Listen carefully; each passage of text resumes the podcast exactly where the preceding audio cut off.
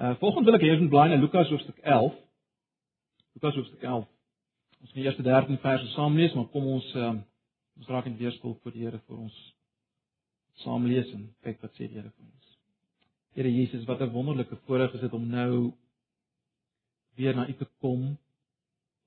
Bewus daarvan dat U die opgestane verheerlikte Jesus is. Die een uh, na wie ons vrede Sondag gekyk het in Openbaring 1 een wie se aangesig is soos die son op sy helderste, die een wie se stem soos die van baie waters is. Een met al die wysheid van die ouderdom, maar terselfdertyd die een met al die energie, krag van die jeug.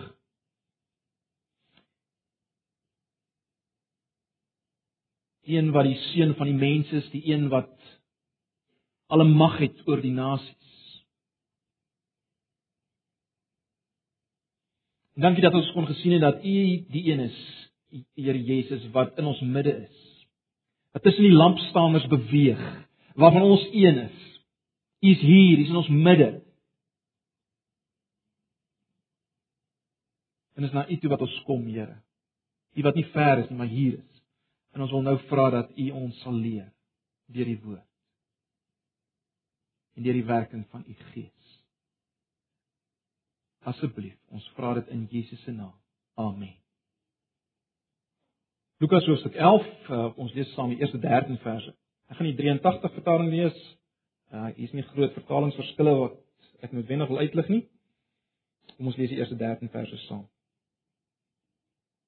Jesus was ergens op 'n plek besig om te bid. Toe hy klaar was, sê een van sy disippels vir hom: "Here, Leer ons bid soos Johannes ook sy volgelinge geleer het. En hy sê vir hulle wanneer julle bid, sê dan Vader, laat U naam geheilig word. Laat U koninkryk kom. Gee ons elke dag ons daaglikse brood en vergeef ons ons sondes want ons vergewe ook elkeen wat teen ons oortree. En laat ons nie in versoeking kom nie. Verder sê hy vir hulle: "Sê nou een van julle het 'n vriend en jy gaan in die middel van die nag na hom toe en jy vra: "Vriend, leen my bietjie drie brode, want 'n vriend van my wat op reis is, het by my aangekom en ek het niks om vir hom voor te sit nie." En die ander antwoord van binne af: "Moet my nie lastig val nie. Die deur is al gesluit en al my kinders en ek is al in die bed. Ek kan nie opstaan om dit vir jou te gee nie." Ek sê vir julle, al sou hy nie opstaan en dit vir hom gee omdat hy sy vriend is nie, sal hy tog opstaan en hom alles gee wat hy nodig het omdat hy hom nie skaam om aan te hou vra nie. Ek sê vir julle, vra en vir julle sal gegee word, soek en julle sal kry, klop en vir julle sal oopgemaak word. Elkeen wat vra ontvang en elkeen wat soek kry en vir elkeen wat klop sal oopgemaak word. Is daar 'n pa onder julle wat as sy seun vir hom 'n vis vra vir hom 'n slang sal gee in plaas van die vis? Of as hy eier vra vir hom 'n skorpioen sal gee? As julle wat sleg is, dan weet om vir julle kinders goeie dinge te gee, die Vader in die hemel nog baie meer. Heilig, hy sal die Heilige Gees gee vir die wat hom vra of vir die wat vra. Dit is net so ver. Uh, broers en susters, vriende, ek ek uh, kan raai dat uh, baie van julle waarskynlik veral rondom oujaarsaand, dalk nuwejaarsoggend uh of met mekaar gepraat het of gewonder het oor wat die jaar 2013 vir jou gaan inhou, vir ons as gemeente gaan inhou. Het daaroor gewonder, daaroor gedink. Van julle het miskien vaste voornemens vir 2013. Verwagtinge. Planne. Die vraag wat ons moet vra is natuurlik, kan ons weet wat 2013 gaan inhou? Kan ons weet wat hierdie jaar wat nou so 6 dae oud is, kan ons weet wat hierdie jaar gaan inhou? En my antwoord is ja en nee.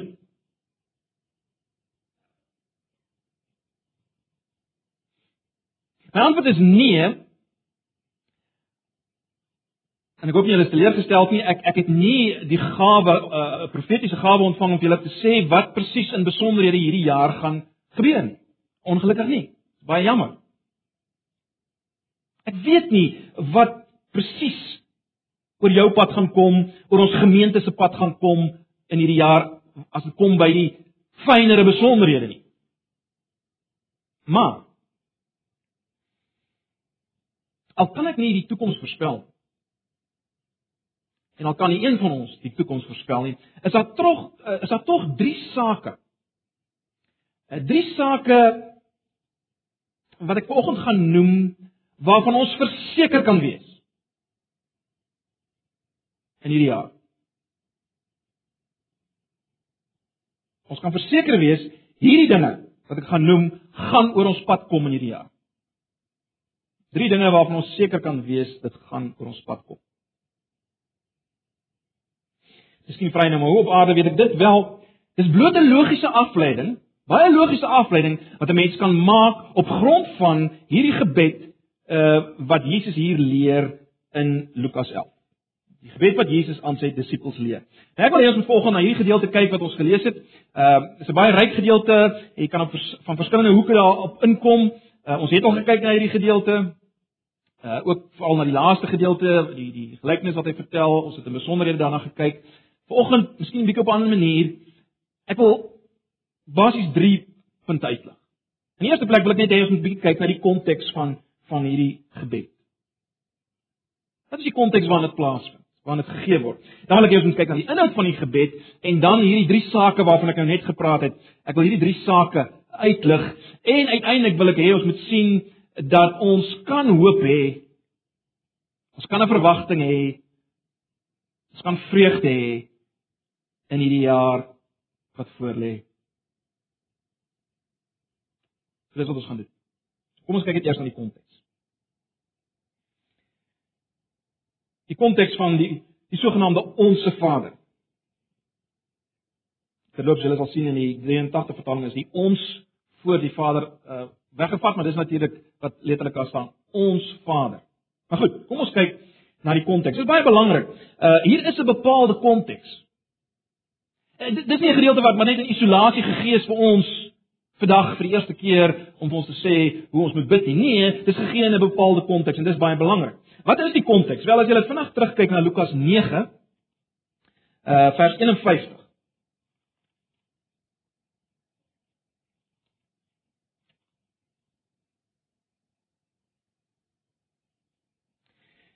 Hier is die volgende. Toe die tyd nader kom dat Jesus in die hemel opgeneem sou word, het hy vasbeslote die reis na Jerusalem begin. So dit word baie duidelik uit 9 vers 51. Uh wat natuurlik nou voor hoofstuk 11 is, is baie duidelik dat Jesus is op pad na Jerusalem. En terloops uh, Lukas gee vir ons aanduiding hier in hoofstuk 11 wat hy steeds besig is daarmee, uh die woordjie erns, hy's erns op 'n plek besig op 'n sekere plek, sê vers 1, uh was hy gewees toe hierdie gebeure plaasgevind het. Jesus is op pad na Jerusalem. Maar waarvoor is hy op pad na Jerusalem? Wel ons weet dit, né? Jesus is op pad na Jerusalem om gekruisig te word. Nou, uh, ons het al baie vir mekaar gesê, die disippels het geleef met 'n uh, met 'n verwagting dat daar gaan oordeel kom oor die heidene. Hierdie hierdie gedagtes het veral in die sogenaamde tussentestamentêre tydperk ontwikkel. Die tydperk tussen die testamente het al sterker en sterker uh gevoel ontwikkel dat die heidene gaan geoordeel word. Uh die koninkryk gaan behoort aan die Jode. Uh hulle gaan daaraan deel. Met ander woorde, daar gaan 'n as jy wil, 'n triomf situasie wees. 'n Triomf situasie. 'n situasie as jy wil waar alles voor die wind sal gaan, veral vir hulle wat disippels van die Messias is. Alles sal voor die wind gaan met hulle. Johannes die Doper te loop het waarskynlik hierdie gedagte gedeel. Uh, julle sal weet uh julle sou dit al gelees het dat Johannes uh op 'n stadium baie teleurgesteld is. Hy sit in die tronk, hy is baie teleurgesteld uh met Jesus. En hy stuur 'n boodskapper om uit te vind is hy regtig die een of, of kan ons 'n ander een moet ons 'n ander een verwag? Want hy leef nie soos ons verwag het. Die Messias moet leef. Hy bring nie die bevryding nie, uh die afgooi van die juke van die Romeinse ryk ensovoorts. Hy bring dit nie. So moet ons 'n ander een verwag. So Jesus het ook nie lekker ingepas by by sy idees.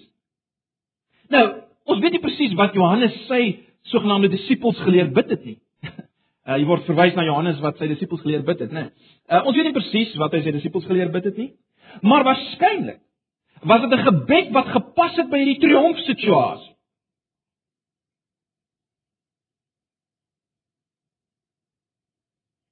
Wat binne hierdie raamwerk geval het. Dis waarskynlik waar die gebed gegaan het wat hy vir sy disippels geleer het. Nou in hierdie gedeelte kom die disippels met 'n versoek na Jesus nadat hulle Jesus sien bid het.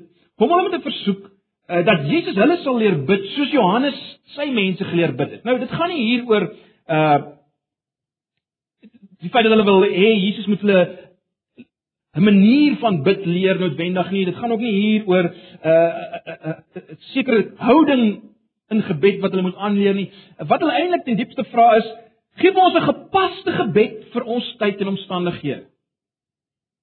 Geef vir ons 'n gepaste gebed vir ons tyd en omstandighede. Dis wat hulle vra. Wat moet ons bid in ons situasie? En dit wat ons hier kry is nou die gebed wat Jesus uh, sy disippels leer. En broers en susters, hierdie gebed is uiters relevant vir ons. Ons het baie daaroor gepraat verlede jaar. Uh ons weet dat Jesus na sy opstanding vir hierdie selfde disippels sê, soos die Vader my gestuur het, stuur ek julle in die wêreld in, né? Dis ons visie as gemeente. Soos die Vader my gestuur het, stuur ek julle in die wêreld in. En hy sê dit vir die disippels wat die begin is van die kerk van die Nuwe Testament, waarvan ek en jy nou deel is. Jy sien hier het hulle dit nog nie regtig besef nie. As ek sê, hulle het nog nie werklik besef Hulle wou nie besef dat Jesus gaan gekruisig word, Jesus gaan weggeneem word en dan moet hulle voortsit die werk wat Jesus begin het. Hulle moet nou die koninkryk van God, sy heerskappy laat sigbaar word. Deur lering en prediking en genesing. En hulle gaan die pad stap wat Jesus gestap het. Hulle gaan ook 'n pad van lyding moet stap. Swaar kry, teenkant en uiteindelik verhoging soos Jesus. Die belangrike punt is hierdie gebed en dit wat Jesus nou hier gaan leer is relevant vir ons as gemeente, as antipas, né? Nee. Want ons deel hierdie situasie met uh, die disippels. Kom ons kyk nou, ons nou 'n bietjie na die konteks kyk, kom ons kyk na die inhoud van die gebed. Ek wil net aan die begin, heel aan die begin 'n opmerking maak. Julle sal oplet as Jesus hulle leer bid, sê hy heeltyd As hulle bid sê letterlik het hulle gesê in die, in die 53 Psalm, ons Vader wat U naam geheilig word. Vers 3: Gee ons elke dag ons daaglikse brood. Vergeef ons ons sonde ensovoorts. Jesus sê nie as jy bid bid my Vader, gee my my daaglikse brood. Gee my my sonde. Hy sê dit nie. Hy sê ons. Jy sien, dit gaan hier oor 'n gebed wat hulle as nuwe gemeenskap in embrio vorm, die disippels, moes bid saam. Ons. Nie my nie. Baie interessant. Dit is belangrik om dit te onthou. Dit is 'n gebed vir ons wat ons saam moet bid. Saam met mekaar. Saam as dieselfde groep.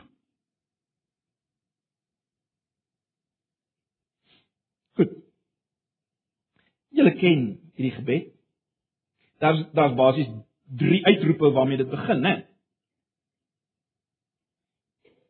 Laat U naam geheilig word. Laat U koninkryk kom. Laat U wil geskied. Die kern hiervan is waarskynlik laat U koninkryk kom, U heerskappy en uh waar U naam geheilig word, waar U wil geskied, wel daar is U heerskappy. Ek het al baie keer gesê ons wil weet wat is die koninkryk van God? Miskien 'n beter vertaling, die heerskappy van God, die regering van God. Kyk na Genesis. Waar mense op die, op die plek is waar God hulle wil hê onder sy woord en gehoorsaamheid aan sy woord in die regte verhouding met mekaar. Dis God se heerskappy. Dis hoe sy koninkryk lyk. In Romeine 14 vers 17 stel Paulus dit 'n bietjie anders. Hy sê die koninkryk van God is nie 'n saak van eet en drink nie, maar van geregtigheid, vrede en vreugde in die Heilige Gees. Die heerskappy van God, die koninkryk van God. So hier is hierdie hierdie gebed begin met met 'n versoek dat hierdie koninkryk van God, sy heerskappy, waar sy naam geheilig word, waar sy wil geskied, waar daar vrede en vreugde in die Heilige Gees sal wees, verhoudings met hom en met mekaar reg sal wees, dis die gebed. Dis hoe die gebed begin. En dit moes hulle bid as Jesus weg is. Weg sou wees. Dan word hierdie eerste 3 bedes soos ons dit gewoonlik noem word opgevolg deur drie afsonderlike versoeke.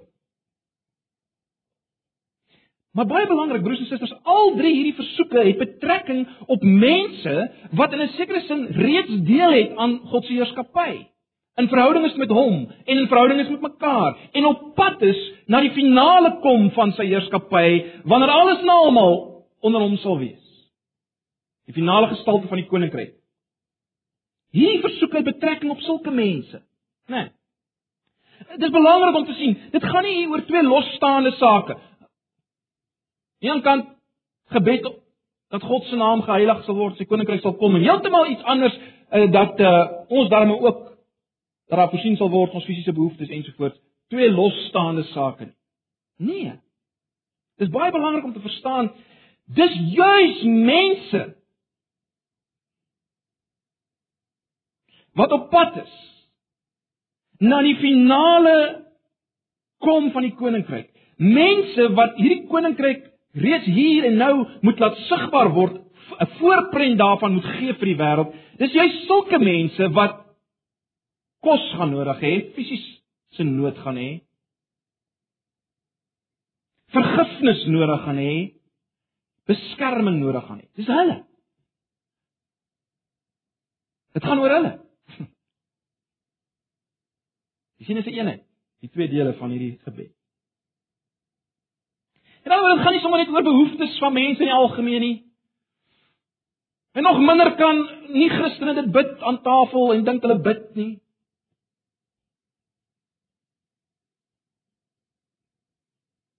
Dis vir ons as sy mense as sy kerk wat op pad is na die finale kom van sy heerskappy.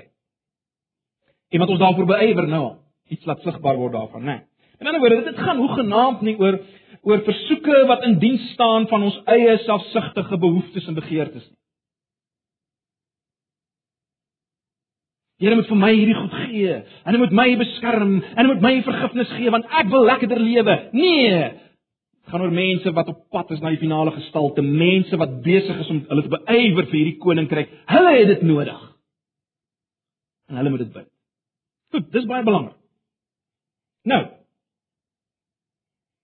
my derde punt.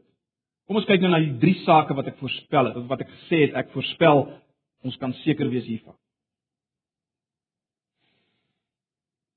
En hierdie drie sake kom natuurlik vanuit hierdie drie versoeke waarna ons nou gekyk het. Die drie sake wat ek voorspel wat waarvan ons kan seker wees hierdie jaar kom vanuit hierdie drie versoeke. In 'n ander woorde, ons wat soos die disippels nou gestuur word en op pad is na die finale gestalte van die koninkryk besig is om die koninkryk laat sigbaar word. Ons kan van drie dinge seker wees. Drie tipe situasies waarvan ons kan seker wees ons gaan daarmee gekonfronteer word. In die eerste plek fisiese nood en behoeftes. Fisiese nood en behoeftes. Ons kan dit aflei logies uit die versoek gee ons ons daaglikse brood. In ander woorde, in 2013 gaan ons dinge nodig hê wat verband hou met ons funksionering as mense. gaan daar behoefte wees binne ons as gemeente. Onthou, ons. Binne ons, miskien nie jy nie. Maar moenie te gou sê dit gaan nie jy wees nie. Dit kan dalk jy wees wat hierdie jaar fisiese nood en behoefte gaan hê. Maar binne ons as 'n gemeente gaan dit so wees. Ons kan dit aflei. Verseker. As ons liggaam van Christus is, gestuur soos hy, dan kan ons seker wees daar gaan fisiese nood en behoefte wees. Daarvan kan ons seker wees in 2013. Die tweede ding waarvan ons kan seker wees, is die dreigende realiteit van sonde. Ons lei dit af by die bede om vergifnis. Die realiteit van sonde. Né? Nee. Anders as Jesus is ons gebroke. Is daar nog sonde in ons midde? In ons as liggaam, soos ons hier sit. Die realiteit van sonde Ons gaan gekonfronteer word daarmee in ons midde. Jou broer, jou suster. Dalk jou predikant, jou ouderling.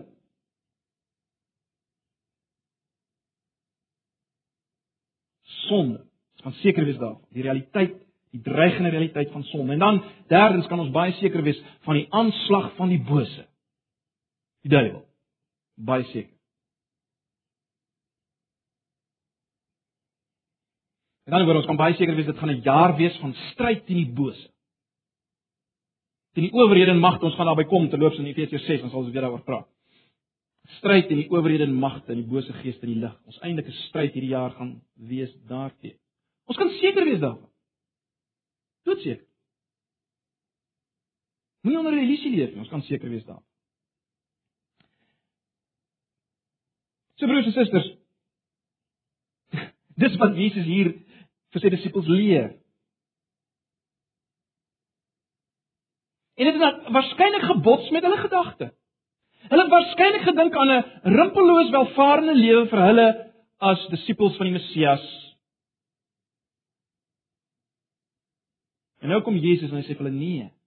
Nee nee. Met ander woorde stel Jesus leer nie vir hulle gemakspoel gebed nie, maar 'n 'n gebed 'n reisgebed as jy wil op 'n gevaarlike pad, nie 'n gemakstoel gebed.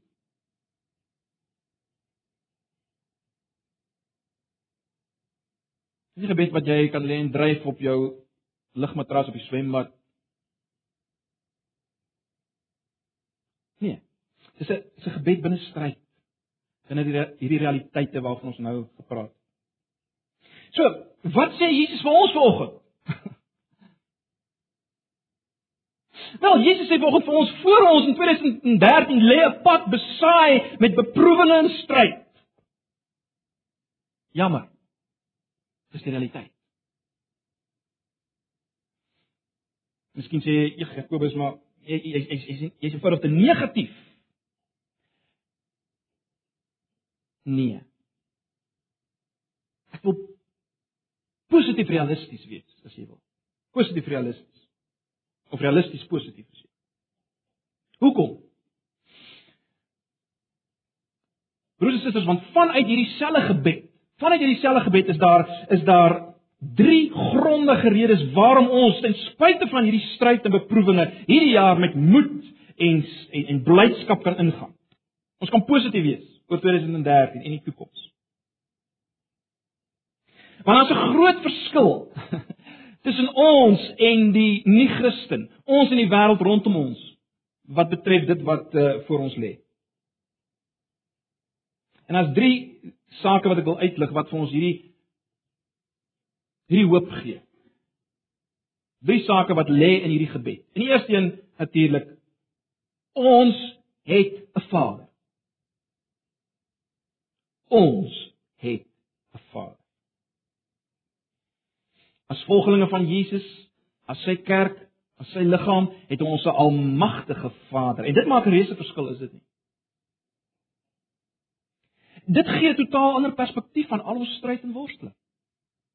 Ons is nie alleen in hierdie stryd nie. Punt nommer 1. Ons is nie uitgelewer aan die noodlot nie. Ons het 'n almagtige God as Vader, een wat in beheer is van die geskiedenis hy elke atoom in sy hand hou. Lewe in sy hand hou. Hy is ons Vader. Dit is die eerste ding. Tweedens, ons het 'n realistiese hoop en 'n realistiese doelwit, naamlik die finale gestalte van God se koninkryk, sy heerskappy. Ja, ons beleef nou al iets daarvan in die herstel van verhoudinge en die lewe onder God se heerskappy of onder God se woord al. Ons beleef nou al iets daarvan, maar ons is ook op pad na 'n finale gestalte daarvan. Met ander woorde, al die chaos rondom ons in ons land. Al die dinge wat ons wil moedeloos maak. Ons weet daar's 'n einde daaraan. Ons kan deurkyk. Ons het 'n realistiese hoop en dit verander natuurlik die manier hoe jy kyk na al hierdie goed. Nee. Ons kan anders daarna kyk. Ons kan deurkyk. Ons het 'n vaste hoop. En dan in die derde plek. Intussen tyd, terwyl ons nou nog op pad is en ons is hier in Suid-Afrika en en ons is in hierdie stryd. Intussen het ons die hulpmiddel van gebed, né? Nee, wat die wêreld nie het. Ons Vader maak op hierdie manier deur gebed voorsiening vir ons diepste nood en behoeftes. In ander woorde terwyl ons op hierdie pad is, as gemeente saam, terwyl ons op hierdie pad is, kan ons op Jesus se uh, op Jesus se gesag, skus, kan ons op Jesus se gesag met vertroue tot die Vader bid, né? Nee, dis wat ons hier sien, met vertroue. Wat is gevaarlik? Ja, maar jy kan met vertroue bid. Ehm uh, sonder skaamte en baie belangrik met vrymoedigheid. Sonder skaamte kan jy vra, kan jy bid na jou Vader kom en met vrymoedigheid. Dis die groot punt van die gelykenis net na die lering oor gebed of net nadat Jesus hierdie gebed gee vir hulle. Wat is die punt van daai gelykenis? Sonder om in besonderhede nou daarop in te gaan. Die punt is dat ons as Jesus se mense, as sy disippels, as jy dit wil, as sy gemeente mag met groot vrymoedigheid by die Vader aanklop. Dis die groot punt van daai gelykenis, né? Nee. En nou in die lig van die gebed, wat kan ons sê? Ons kan sê ons kan met groot vrymoedigheid by die Vader aanklop as ons nood en behoefte het, fisiese nood en behoefte. Maar dis nie al nie. Ons kan met groot vrymoedigheid by die Vader aanklop as ons vergifnis nodig het. En ons kan met groot vrymoedigheid by die Vader aanklop as ons in stryd is met die bose. as versoekings oor ons pad kom, as ons swak voel in die in in die in die aangesig van teenkanting en aanvegting, kan ons met vrymoedigheid na die Vader gaan. Né? Nee, so jy sien hoe hierdie twee gedeeltes saamwerk, né? Nee. Baie baie belangrik, broers en susters, binne in hierdie gelykenis as jy wil wat Jesus gee, leer Jesus ons ook iets oor die gesindheid en die karakter van ons hemelse Vader waarmee ons gaan te doen hê in 2013 as ons so bid en as ons in hierdie situasies verkeer. Wie is hierdie Vader? Wat is sy gesindheid in my, teenoor my? Wat is sy karakter? En Jesus gee dit hier. Hy gee dit hier sonder om te veel daarop in te gaan. Eerstens moet ons onthou, hy is meer as net 'n vriend. Ja, hy's 'n vriend, maar hy's meer as dit, né? Nee.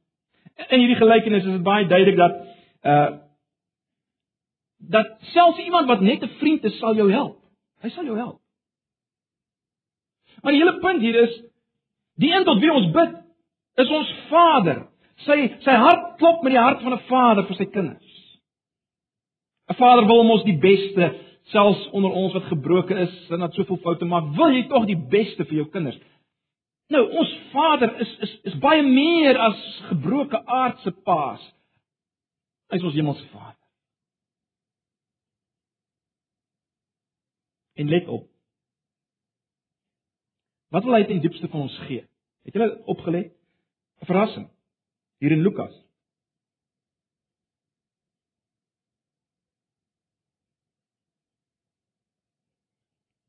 Vers 13: As julle wat sleg is, dan weet om vir julle kinders goeie dinge te gee, die Vader in die hemel nog baie meer. Wat sê hy? Nee, hy sal vir julle al die goeie dinge gee nie. Lukas se weergawe maak dit baie duidelik.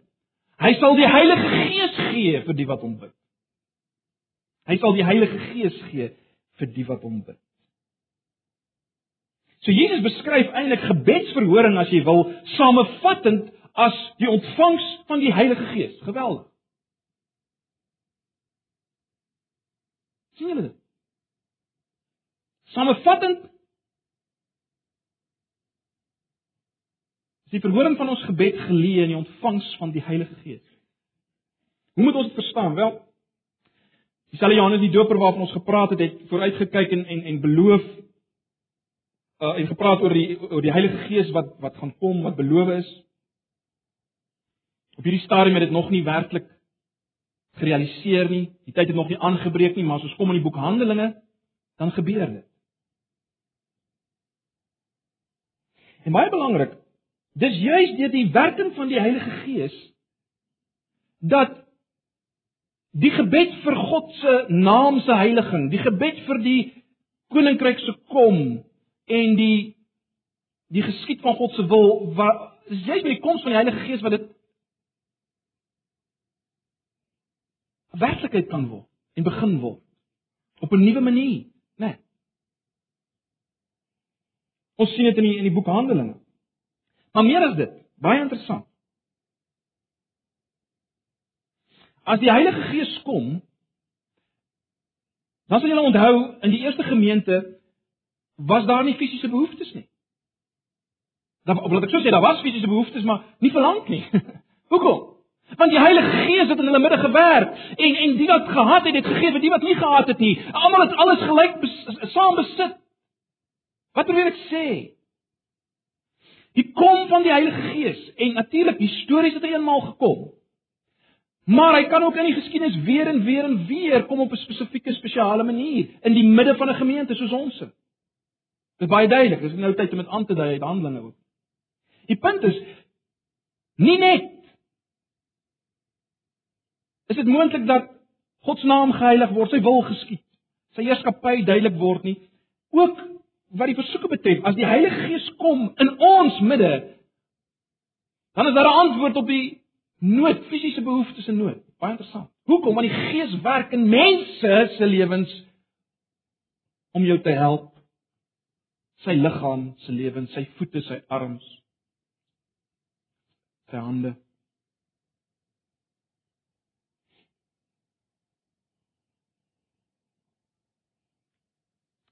Dit lyk vir my deur gebed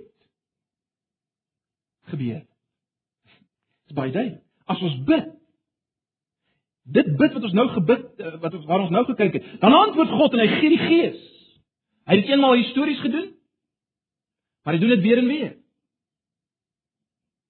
Gee die Gees.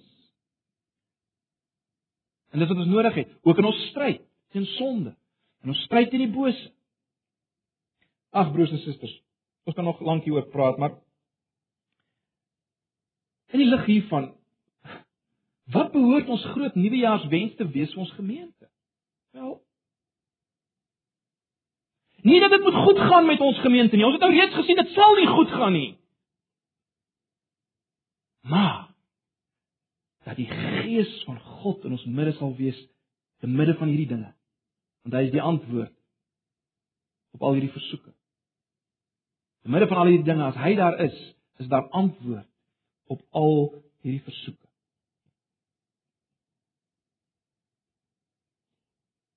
Ek het hom nodig binne al my nood, fisiese nood en behoeftes. Ek het hom nodig in my stryd teen sonde. Ek het hom nodig in my stryd teen die bose. En as ek sê ek, is dit eintlik foutief, né? Nee, ons. Ons as gemeente het hom nodig. Ons het hom nodig. En dis my wens vir ons gemeente vir die jaar. Dat die Gees op 'n nuwe manier onder ons sal werk, broers en susters. So kom ek stel dit so, daar's een belangrike opdrag wat onontbeerlik is van die Here vir 2013. Daar's een belangrike opdrag.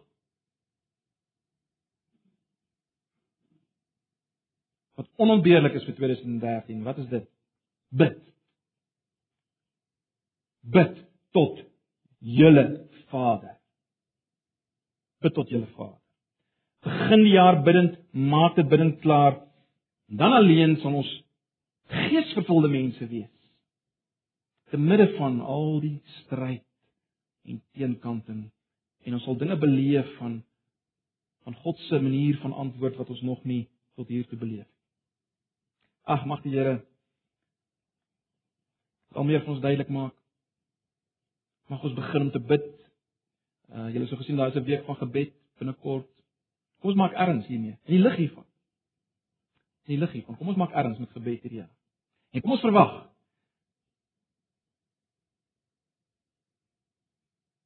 die antwoord, die Heilige Gees. Amen. Here baie baie dankie vir u woord. U ken ons.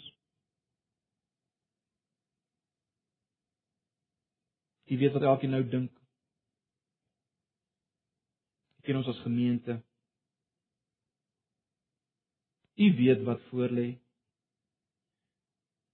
Dankie dat ons nou in breë trekke kan weet ook wat voor lê.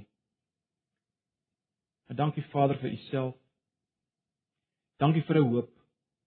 Dankie vir gebed. Dankie vir die Heilige Gees wat U beloof. Eer U daarvoor. In Jesus se naam. Amen. Kom ons sluit af met ons Vader.